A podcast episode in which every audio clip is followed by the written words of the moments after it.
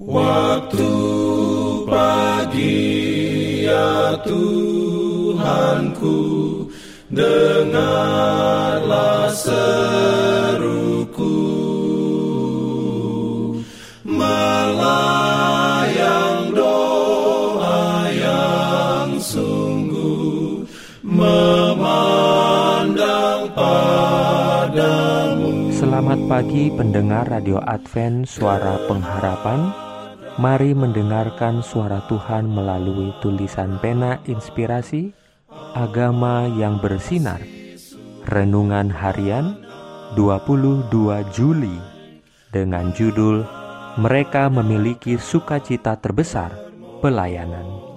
Ayat inti diambil dari Yesaya 65 ayat 14 Firman Tuhan berbunyi, Sesungguhnya hamba-hambaku akan bersorak-sorai karena gembira hatinya, tetapi kamu akan mengerang karena sedih hati, dan kamu akan menangis karena patah semangat. Diberikannya perlindungan dalam pimpinannya. Urayanya sebagai berikut. Dalam hidup kita di dunia ini, walaupun dibatasi oleh dosa dan perkara-perkara duniawi, sukacita terbesar dan pendidikan tertinggi adalah dalam pelayanan.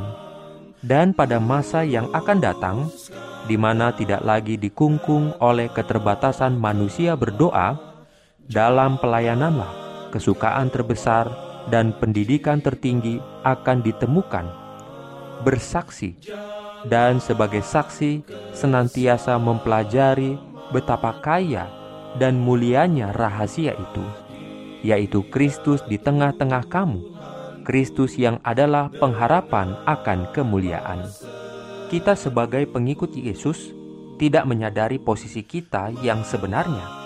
Kita tidak memiliki pandangan yang benar tentang tanggung jawab kita sebagai hamba Kristus yang diberi upah dia telah membayar upah kita sebelumnya dalam hidupnya yang menderita dan menumpahkan darah untuk mengikat kita dalam pengabdian yang sukarela kepada dirinya.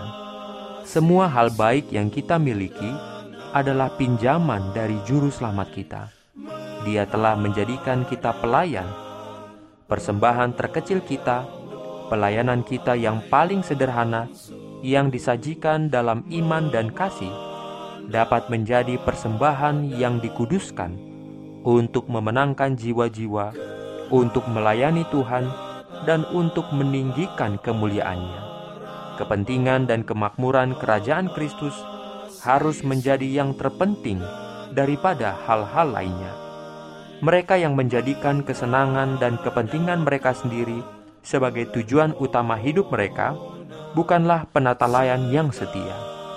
Mereka yang menyangkal diri untuk melakukan kebaikan bagi orang lain dan yang mengabdikan diri dan semua yang mereka miliki untuk pelayanan Kristus akan menyadari kebahagiaan yang dicari oleh orang yang egois dengan sia-sia.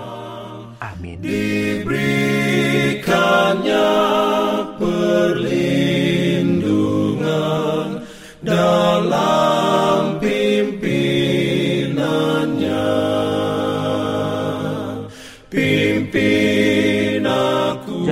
Lupa untuk melanjutkan bacaan Alkitab sedunia. Percayalah kepada nabi-nabinya yang untuk hari ini melanjutkan dari buku Mazmur pasal 77. Selamat sabat dan selamat berbakti. Tuhan memberkati kita semua. Jalan kewajiban, jalan keselamatan.